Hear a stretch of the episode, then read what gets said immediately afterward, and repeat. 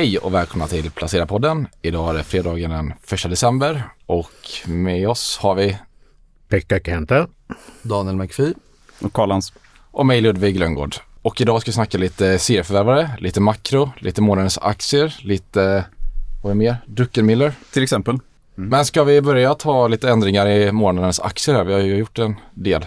Ja, jag har gjort en, eh, för en gång skulle gjort en lite större förändring här. Så att eh, jag har plockat bort dryckesbolaget Monster då, som jag såg som en väldigt defensiv investering här.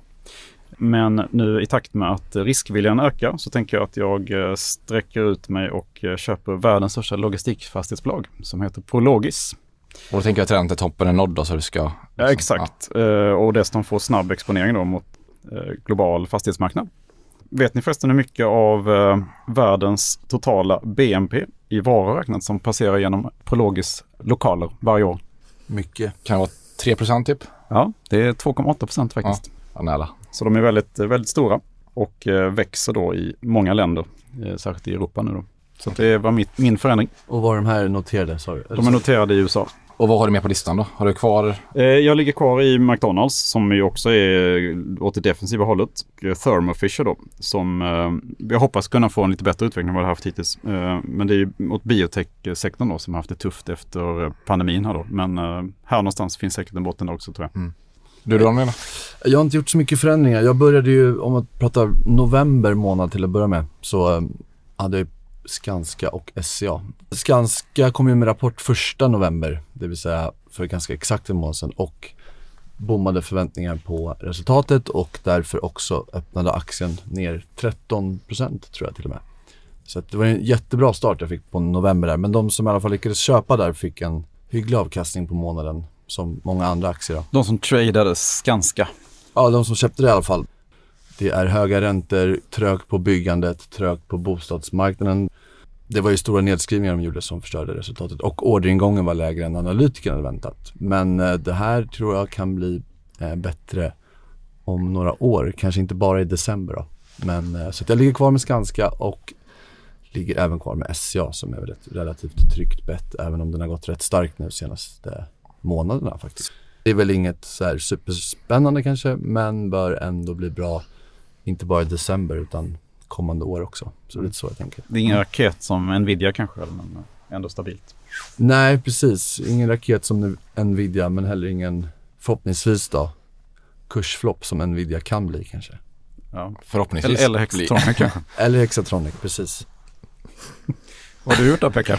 Nej, jag ligger kvar med mina två defensiva val i eh, Scandi Standard och Loomis. Eh, Då är det klart att de inte har rosat marknaden när riskaptiten har varit så hög. Men eh, jag tycker väl ändå att Scandi Standard hade väl en kapitalmarknadsstart när man höjde sina mål och det har ju varit en aktie som har gått ganska bra. Så att eh, den ligger jag kvar med. Och Loomis blir min, blir min superdefensiva placering om det skulle komma en, ett bakslag på börsen. Jag tycker det är fel tid att sälja den. Kontanthantering alltså. Det är, det är ju verkligen superdefensivt, tänker jag också. Mm. Ja, det låter definitivt. Jag har tagit ut Disney då som har varit på listan länge och den har ju gått ganska dåligt hela tiden men nu fick den lite ett uppstuds här nu då så jag tyckte det var dags att ta ut den och så tror jag att det finns bättre investeringsalternativ faktiskt och det är ju ett ganska stort bolag så jag tror också mycket mer på småbolag nu den närmsta tiden här. Så jag har kvar, ligger kvar med Volati och Balco då som ja, hade inte så jättebra rapporter nu senaste men jag tror ändå på några års sikt här nu eller några kvartal så kan de bli väldigt bra när det väl vänder här. Också ganska lågt värderade va? och gick bra i november. Ja exakt, Väl? ja, det gick väldigt bra i november. Volati gick väl, var det nästan 18 procent tror jag sånt där. Så det går starkt. Och börsen gick 9 eller vad sa vi? Ja, Ja, På november. Så 9-10 procent. Mm. nej men det, det tror jag på. Det kommer att tugga på bra förhoppningsvis. Ska jag bara säga vad, vi får ha två kollegor som också har valt aktier som inte är här idag. Vi Ja. kan ju bara säga vad de, vilka aktier de har i månadens aktier då. Eh, Elinor, Essity, Handelsbanken och Railers. Och Martin eh, ligger i Björn Borg, H&M och Securitas. Mm. Yes, ska vi prata lite makro då? Ja, Pekka vad säger du? Ja, eh, det här äh, räntetemat som har dominerat novemberbörsen har ju fortsatt.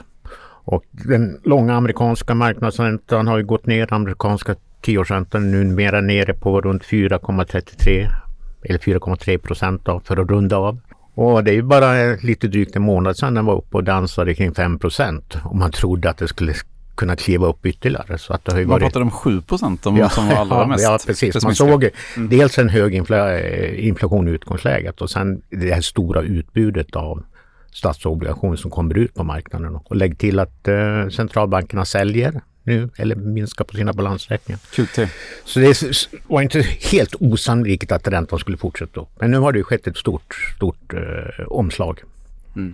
Och det beror ju framförallt på att man ser dels att det inte kommer några några fler räntehöjningar och man börjar redan spekulera i att det ska bli räntesänkningar rätt tidigt under 2024. Jag såg här på morgonen eh, en beräkning där man räknar med ungefär 50% sannolikhet att Federal Reserve sänker räntan redan i mars och rä- räknar med att det blir eh, flera räntesänkningar under 2024. Vad hände med higher for longer? Ja, det, den, det bara försvann. det, förstår, det bara försvann. Men om man tar det andra, den andra stora centralbanken ECB så kom det inflationssiffror igår och då hade ju inflationen i, i november dimpit ner till eh, 2,4 procent. Så man är ju nära sitt mål. Nära målet, ja. ja. Och även där spekulerar marknaden redan i en räntesänkning i mars. Så det är ju synen på... Eh, Men, men det här är soft landing då kan man säga. Som, man har, som marknaden ser just nu. Då. Ja, Och när tror du vi får första räntesänkningen i Sverige då? Ja, jag tror att den kommer rätt tidigt. Eh, Riksbankens prognos var ju att den första räntesänkningen skulle dra en, en ganska bra bit in på 2025. Men på marknaden så prisar man väl in en styrränta, liksom, styrräntesänkning någon gång under senvåren kanske. Och man tror ju att räntan ska gått ner till kanske 3,3 eh, procent i slutet av 2024. Så marknaden har en helt annan syn än Riksbanken har. Och marknaden har alltid rätt, eller hur är det? Ja, precis. Jag, jag, jag träffade ju senast i, faktiskt på en, en rapport från, från verkligheten här. Jag träffade en, en kille igår som har pluggat sju år i USA. En svensk som eh, var tillbaka i Sverige nu. Han har inom ekonomi. Sökt massa jobb i USA men säger att det är helt stendött på finansmarknaden. Och särskilt om man är nyutexad då. Och särskilt om man kommer inte är amerikan då. Det eh, verkar bli en, en tuff arbetsmarknad för, i alla fall för nybörjare så att säga.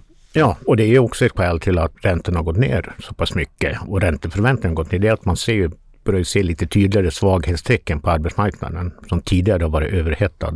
Och där har du ju kanske det stora skälet till att man inte tror på higher for longer längre. Ja. Kronan stärks mot dollar och euro. Ja, eh, dels så förstås det vanliga mönstret att när riskaptiten är hög så går kronan bra.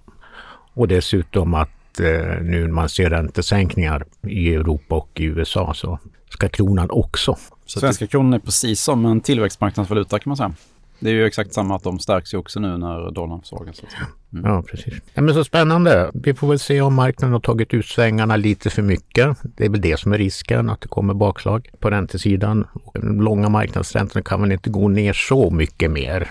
Så att eh, den drivkraften kanske försvinner. Lite grann i alla fall. Ja, och sen kan man ju säga en, en annan sak som har skett framförallt i november. Det är ju att den här börsuppgången som vi ändå har sett under 2023 har ju breddats nu. Så att eh, andra typer, förut har det varit mycket amerikanska techbolag som har liksom drivit världsbörsen. Men nu till exempel eh, Dow Jones index är väl uppe med 10-12 procent. Och tittar vi på de allra, allra senaste veckorna så har Dow Jones gått bättre än Nasdaq-börsen. Så en breddning och det talar väl för en fortsatt positiv börsresa. då. Spännande. Och så har vi lite aktiecase också va? Rugvista. Är det någon som är kund? Eller Nej, varit jag har kund? aldrig... Jag har aldrig förstått varför man ska köpa en matta på nätet faktiskt. Det finns många fördelar men om man tar som kund så just att du slipper rent fysiskt gå till en butik och det pratar faktiskt vdn om, vilket jag inte hade tänkt på innan, att du får ett betydligt betydligt bättre överblick på sortimentet på nätet. De har väl tusentals artiklar som du kan titta på. Och Men du kan inte känna på dem. Jag kan inte känna på dem. Om du kan gå till en butik och känna ungefär vad du vill ha för material. Om du går till en fysisk butik, vilket jag förutsätter att du har gjort, en mattbutik, så är de ofta staplade. Och eh, det är betydligt svårare att få en bra överblick på sortimentet. Man brukar och, få med sig sådana mattprov hem tror jag. Det var Ja. få gånger jag köpt matta. Men, eh, men det kan du beställa på Rugvista också. ja, okej. Jag kan ju bara förklara vad de gör. Det är en, en mattillverkare, de är egenutvecklade produkter som de säljer på nätet. Är det bara egenutvecklat då? Så det är bara... Nästan allt. Ah, okej. Det är mycket men inte bara. De har ju produktionen i Turkiet och Indien men de sköter framförallt design och eh, utvecklingen av produkterna och har ett väldigt brett sortiment. Allt från lågpris till väldigt billiga mattor till väldigt dyra mattor. Jag tror att den dyraste låg på 800 000 Åh fy drygt. fan, det låter dyrt. Sen om det är dyrt eller ett högt pris, det, det vet jag inte. Nej. Ja, det är en ganska ratad sektor, konsumentsektorn. Trots det så är faktiskt i tredje kvartalet så växer de organiskt 14% Nettoomsättningen växer 25.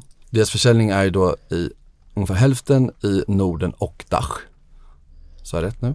Ja, det låter jättebra. Eh, och sen är andra hälften i övriga länder och det är främst länder i Europa. Då. Det som är bra att vara just en e-handlare inom mattor, vilket man kanske inte tänker på spontant, det är att de blir inte gamla på hyllan. Det blir de inte i en fysisk butik heller visserligen, men det är en bra produkt att sälja. Det är väldigt långa trender, så att det är inte så superkorta trender. Om man tänker med kläder till exempel, så kanske trenderna går lite kortare perioder.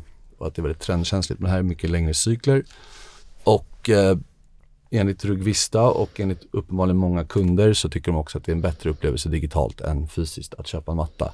Och returerna har faktiskt visat sig vara väldigt låga jämfört med många andra konsumentprodukter, vilket är en viktig faktor med tanke på att det blir väldigt dyrt för e-handlarna att bjuda på frakten fram och tillbaka, vilket de gör och är väl i princip ett krav som jag har förstått det i alla fall. Men så att de eh, växer på ganska bra eh, trots det vi ser i konsumentvärlden eller det folk pratar om i alla fall i konsumentvärlden. Och om man bara tar 2022, det är de har 253 000 ordrar totalt. Och det gav eh, en försäljning på 640 miljoner och de är också lönsamma och har nettokassa på 112 miljoner. Vad är det för börsvärde på detta då? Eh, Det är 1,3 miljarder, de handlas runt 60 kronor och de noterades på 125. Jag tänkte långt under uh, introduktionskursen. Ja, så att de eh, slaktades ju med alla andra konsumentbolag 2022. Har faktiskt gått upp 40% i år redan. Men eh, de växer och de är lönsamma så har ju multiplarna kommit ner ganska mycket. Eh, det är inte billigt men du har 13 gånger på vinsten för 2024 estimerade. Och eh, ev på 10. Blickar man ut ännu längre så är det ju ännu billigare såklart eftersom att de förväntas fortsätta växa vinsten. De har en förväntad vinsttillväxt om 25% under 2024. Jag gillar ju att nettokassan finns, minskar risken, konsumentbolagen. De är faktiskt lönsamma. Visst, de tjänar inte lika mycket pengar som rekordåret 2021, men det går uppenbarligen eh, relativt bra. Att eh, Men är det mycket billigare att köpa där än att köpa i en vanlig mattbutik? Liksom? kan ju hitta såklart billigare produkter där, men det går ju att köpa på Ikea väldigt billigt också. Mm. Så att det är just det här att de vill gärna äga designen och egenutvecklade Mm. produkter och att de har ett sortiment som passar de som vill köpa billigt men också de som vill köpa eh, så att säga Flott. mer. De delade ut 1,50, 2%, 2,5% direktavkastning. De skulle kunna dela ut ännu mer nästa år. Rekordåret 2021, då tjänar de 5 kronor. Och nu förväntas de då tjäna 4,60 nästa år. Och tjänar väl, vad tror jag, 3,6, ja, nästan 4 kronor på rullande 12 månader. Så att eh, multiplarna är inte så höga. Sen kan man ju fundera på snarare kanske Revolution Race som vi har pratat om tidigare. Bredare produktutbud, eh, an, olika typer av produkter. Det är, ska man prata om någonting som jag vet Per Ståhl pratar mycket om, vår tidigare kollega. Enproduktsbolag, kan vara hög risk. Och Revolution Race då som säljer också på nätet endast och har alla de fördelarna som finns med det handlas till något högre multiplar men kanske har ännu större tillväxtpotential. Så ska man jämföra så Men har du några konkurrenter detta då som är stora? Eller jag tänker så här, finns det någon risk att Amazon kanske kommer in och ska börja sälja mattor på nätet eller sådär? Det finns ju absolut konkurrens och det är ju en ganska, det är inte väldigt, det är inte superhöga trösklar. Det som däremot är, om man tar fördelen i den frågan är att inom den här produkten så finns det inga superstarka varumärken. Om du tar kläder så kanske folk bara köper Nike eller bara Adidas eller vi vet ju vissa som bara köper Brunello LVMH. Cucinelli till exempel. Exakt. Eh, men här har kunderna visat sig inte ha exakt lika starka preferenser om man tar gemene man. Det gör ju att man kan ju köpa en matta på Rugvista. Man måste inte ha ett specifikt märke om man talar för de flesta. Men det gör ju också att det är lättare att konkurrera ut. Så att risken är väl just försvagad konsument eller ytterligare försvagad konsument och konkurrenssituationen och att det är enproduktsbolag. Men jag gillar. VD äger väsentligt mycket aktier. Det finns uppenbara risker men jag tycker att det kan vara en attraktiv aktie och jag tror att de har bra möjlighet att fortsätta växa även om det såklart är så att eh, det kommer kanske vara slagigt. Inte så stor risk för schackmatt med andra ord. Precis så. Inte lika spännande kanske som Momentum som, ett, som har dubblats i år, eller hur? Ja, den har gått upp 113 procent i år. En avknoppning från eh, Bergman och Beving från början. Så jag har kollat på det här bolaget och det är en serieförvärvare inom eh, säga, industrieftermarknad typ. Så det är ju mycket industribolag. Och från början är det en avknopp från Bergman och Beving. Knoppades av 2016 tror jag det var. Något sånt där. Momentum Group. Och sen har Momentum Group köpt upp Svedol. Och då delar man upp det här i två affärsområden. Aligo och Momentum Group då. Och sen knoppades detta av från Aligo då som är börsnoterat nu då. Så det är en liten knacklig historia där men de var ju i princip skuldfria när de noterades. De har ju verkligen börjat förvärva väldigt mycket nu. Till exempel de växte 45 procent nu det här senaste kvartalet. 8 procent organiskt i en sån här konjunktur. Så det är extremt starkt alltså. Varför är det så starkt då? Ja men det är just att de har ju industrieftermarknad så det kanske inte påverkas. Det finns en viss fördröjning där kanske då mellan ja, industrin och ja, konjunkturen då liksom. Så man börjar faktiskt se vissa tendenser på att det är lite klenare marknad nu då. Men alltså annars är det väldigt starkt och risken då är ju att såklart att det skulle börja påverka ännu mer här då.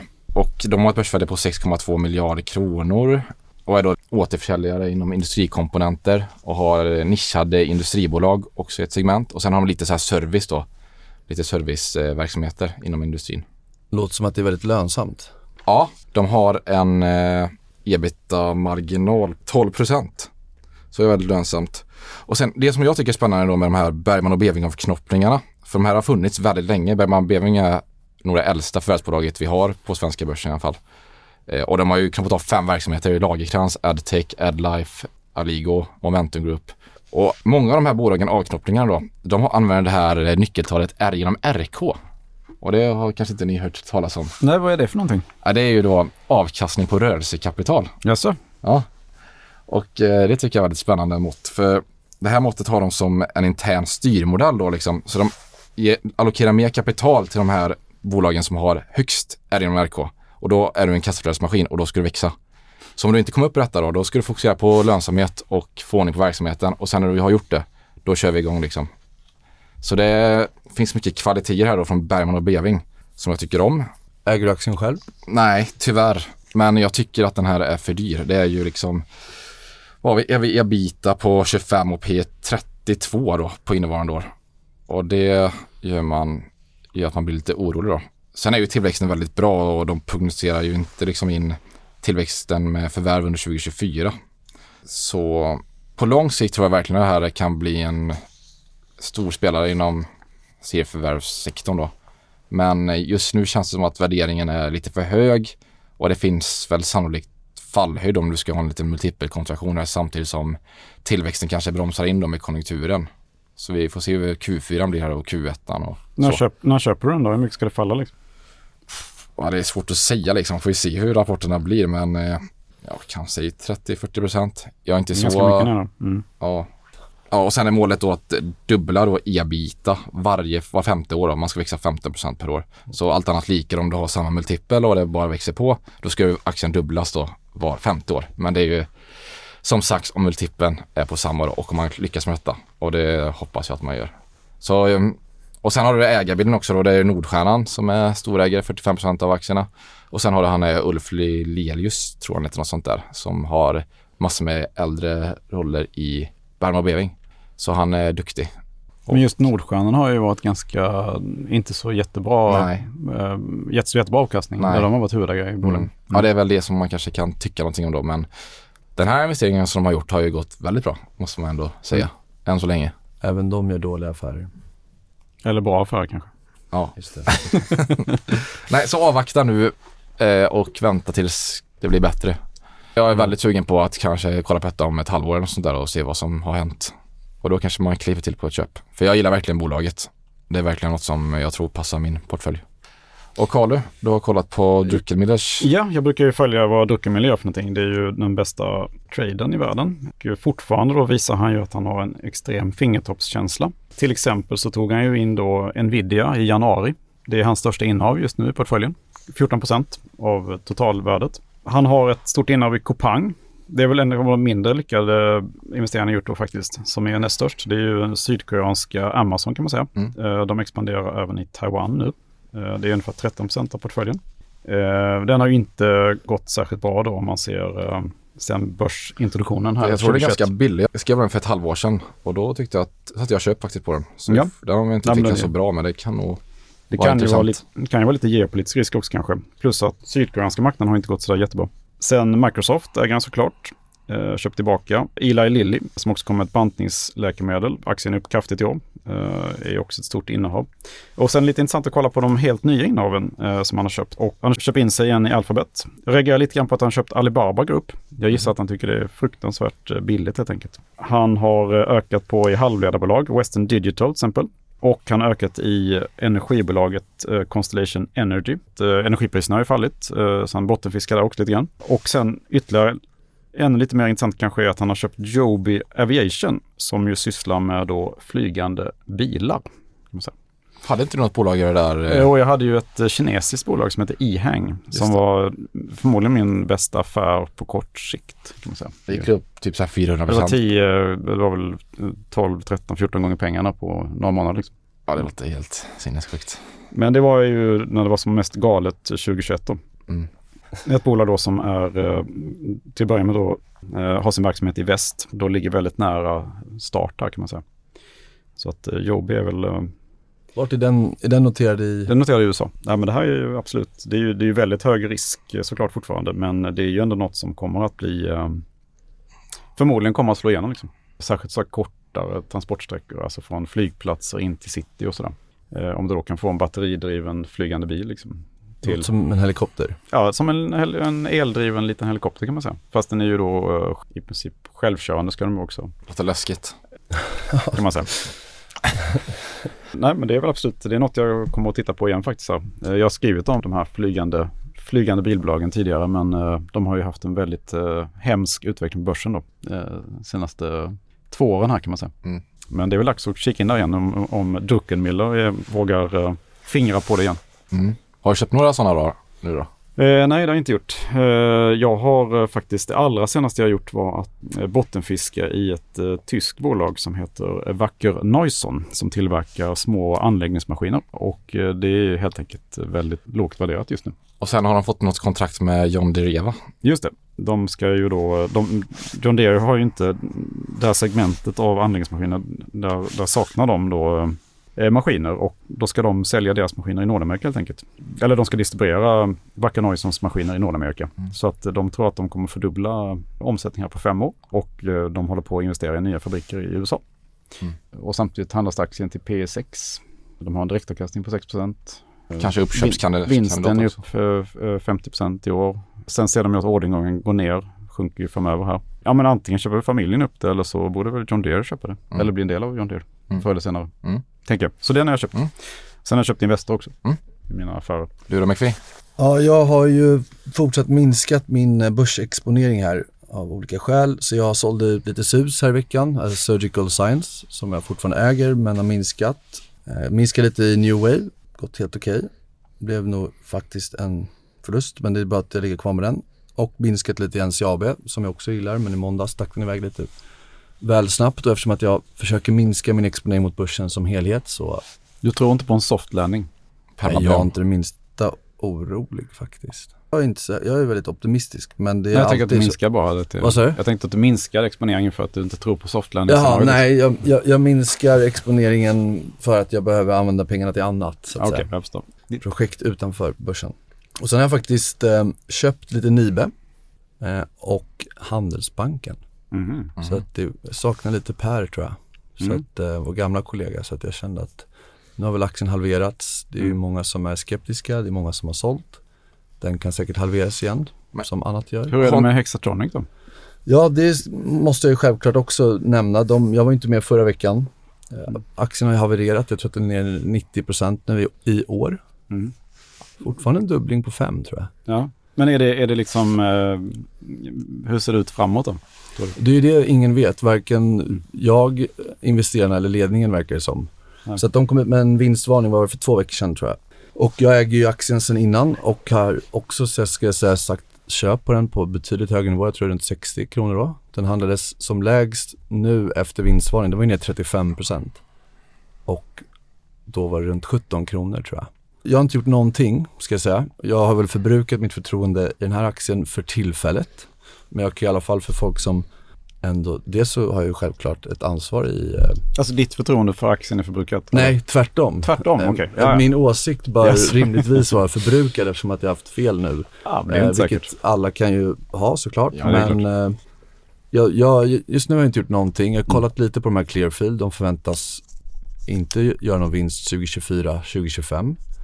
Jag tror inte att det här kommer att ändras snabbt, det vill säga varken sentimentet, kanske i aktien eller marknaden för investering i fiber. Jag har följt det här bolaget väldigt länge, säger snart tio år och den har halverats många gånger innan. Det var ett tidigare tyckte investerat. Det var en mättad marknad i Sverige. Nu eh, har de klivit ut. Det finns ju många som säger i alla fall att det är en tydlig förtroendekris och det är det ju om man ser ur investerarnas perspektiv. De har klantat och det man nog ska fråga sig är det så att de är dåliga på att kommunicera? Är det svårt att kommunicera rätt eller är de sluga? Och det får man ju bara göra sin egna bedömning. Man kan ju väldigt enkelt för sig och det respekterar jag att säga att det de har gjort nu på kommunikationssidan är tillräckligt mycket för att inte äga den. Många upplever jag blivit väldigt, om man bara tittar lite runt i flödet på olika ställen, kommunikationsexperter, investeringsexperter och priset har ju i alla fall uppenbarligen, där har jag haft väldigt fel. Men man ska komma ihåg att det är aktier som prissätts varje dag. Det finns mycket flöden. Nu har ju väldigt många sålt. Jag såg att det var en fond som faktiskt hade köpt ganska mycket nu. Men de stora institutionella fonderna har ju sålt. Vi har fått lite insiderköp, inte allt för stora, men från flera personer. Nej, så att jag gör ingenting just nu, men jag klurar, funderar, försöker blicka ut och jag har aldrig hört någon som har pratat om att, att det är problem med ledningen eller att de är dåliga på att kommunicera förrän nu. När jag har följt det här bolaget så pass länge. Så att sentiment och pris går ofta väldigt mycket hand i hand märker man och det är ju visserligen rätt och det är väl kanske så också man kan hävda att det är nu det bevisar sig vilka som är dåliga på att kommunicera när det behövs verkligen att kommuniceras. Det kanske inte har behövts tidigare. Men eh, i slutet av dagen så är det viktigt att den större marknaden kommer igång och att de tjänar pengar. Det pratar man inte om nu såklart. Men eh, Har någon skuldsättning som är hög där liksom? ja, de har ju precis, det är väl lite det om man bara ser det som händer via Play idag. Inga jämförelser i övrigt, men problemtyngda bolag med skuldsättning är inte bra och det skulle ju kunna kanske komma en stor nyemission. Men, och det kan ju också vara när det inte köpas, att man har råd att vara med så man inte blir utspädd. Men om man tar grundcaset så Estimaten är ju, kan vi ju nästan skippa eftersom att det är ju uppenbarligen att varken bolaget eller analytikerna vet vad som kommer kommande kvartal. Men om man har någon tanke om att de faktiskt har lyckats leverera tidigare och växa vinsten så skulle det här om man blickar ut fem år eller tre, fyra, fem år eventuellt bli bra. Men återigen, tycker man inte så, tycker man att ledningen Förbrukat förtroendet. Då är det kanske bättre att sälja. Men jag har en annan uppfattning om det. Det väldigt- Men jag har också haft som sagt Det väldigt, finns väldigt många aktieägare verkligen i bolaget. Det är en väldigt populär aktie. Problemet är också, man ska komma ihåg att det är aktier, de drivs av flöden. Om inga institutionella investerare vill äga det här någonsin igen för att förtroendet är förbrukat, ja då är det ingen som kommer driva upp kursen heller. Så att man ska ju fundera lite kring vad det är som driver en aktie också. Mm. Och hur priset och sentimentet förändras. Mm. Så det är väl det jag har att säga kring det. Sen får man, jag har respekt för alla typer av tankar och åsikter. Det finns ju inte ett facit. Men eh, jag har absolut inte sålt kan jag säga. Mm. Okej, så fortsatt kvar i Hexatronica. Absolut. Och fortsatt väldigt mycket back. Ja, ja men det, är- det är man ibland helt enkelt. Det ibland. Det händer, det händer alla. Liksom. Eh, Pekka, vad, hur går det då? Jo då, eh, det jag har gjort det är att jag har eh, klivit ur min Exact Bear Ja, du har släppt position. den. Du har släppt in. släppte jag. Du tror alltså på... Du tror inte det blir någon rally. krasch här liksom? Va? Du tror på soft landing nu då så att säga? Ja, alltså orsaken till att jag släppte den var att det var precis innan de amerikanska inflationssiffrorna för oktober rullades ut. Ja, och jag perfekt. tittade på liksom, detaljer i det och då var jag i princip helt övertygad om att marknaden skulle tolka siffran positivt. Vilket de gjorde. Ja. Men jag kan ju säga ändå att eh, den gick faktiskt på plus. Ja, vad bra. 4,89 procent. ja, snyggt. Men det är det enda. Och hur var det med, har du kvar Lufthansa då? Ja, ja, den, Den flyger inte än just nu eller? Nej. Men den kommer att flyga igen. Ja. Ja, Efterfrågan är ju väldigt stark i alla fall. det blir nog bra. Och Ludde då? Nej, jag har inte gjort någonting. Jag ligger still. Skönt. Men Yes. ska vi ta helg då eller? Ja, det gör vi. Är det dags? Dags. Trevlig helg. trevlig helg. Hej, hej. Hej.